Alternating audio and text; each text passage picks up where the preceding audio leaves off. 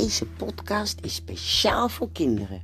Kinderen vanaf 4 jaar tot en met wel 6, misschien wel 7 jaar. Nou, ga gewoon maar luisteren.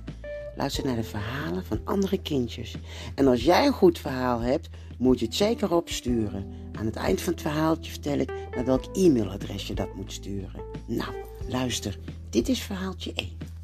Bibi.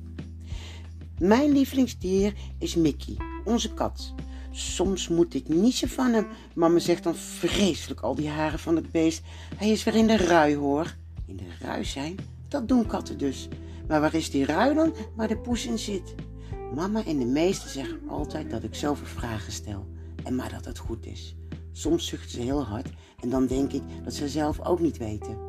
De meeste zegt altijd, met jouw fantasie kom je er wel. Mama zegt altijd dat ik een spraakwaterval ben. Nou, ik heb een keer een echte waterval gezien en ik zag er niet één woord tussen zwemmen hoor. Maar ja, mama denkt dus dat het echt bestaat. Oh ja, mijn lievelingsvriendje is Mickey. Mickey is mijn kat. Hij komt altijd bij me slapen en dan tikt hij met zijn pootje op mijn neus als iedereen nog slaapt. Dan ga ik even lezen in een van mijn spannende strips met echte helden. Want ik word later ook een heldin. Een hele, hele grote. Of ik word politieagenten. Maar moet altijd giebelen de meester ziet. En bij de meester gaat bij zijn keel een bobbeltje heen en weer. Steeds als hij mijn moeder ziet. Dan kucht hij en dan lacht hij. Mijn vriendinnetjes en ik weten al lang dat zij verkering willen.